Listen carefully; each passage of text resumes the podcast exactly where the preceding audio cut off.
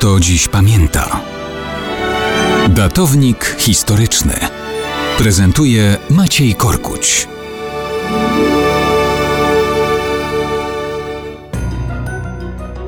Kto dziś pamięta, że 4 października 1879 roku w Krakowie świętowano jubileusz 50-lecia zawodu pisarskiego Józefa Ignacego Kraszewskiego. Co my dzisiaj wiemy o świętowaniu? Dzień wcześniej w świeżo odnowionych sukiennicach przez wiele godzin jubilatowi składano dary i hołdy. Natomiast 4 października odbyła się w tychże sukiennicach składkowa uczta. Opisano ją w księdze pamiątkowej. Cytujemy. Pod wieczór zajaśniał gmach cały przeźroczami ze świateł gazowych. Ustawiono 20 stołów, każdy na 40 osób. Zapalono kilka tysięcy świateł u świeczników żelaznych i kilkaset świeczników ściennych. Na stołach kilkaset kandelabrów ze świecami. Po obu końcach hali zajęły miejsce dwie orkiestry wojskowe. 840 osób zasiadło do stołów, sto kilkadziesiąt asystowało stojąc, sto było służby. Menu drukowane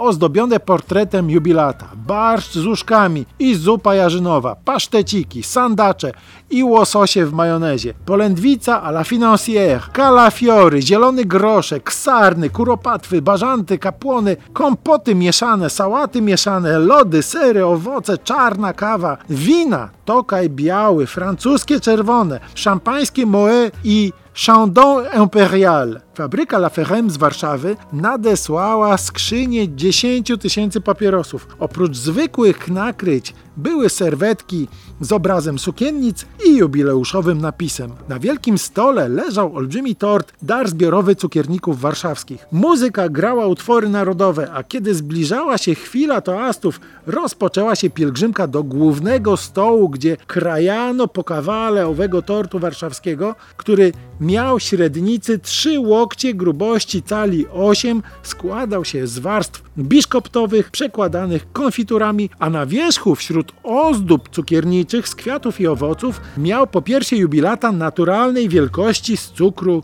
odlane. Następnego dnia odbył się w sukiennicach bal na bagatela 5200 osób. Ech, co my wiemy o świętowaniu?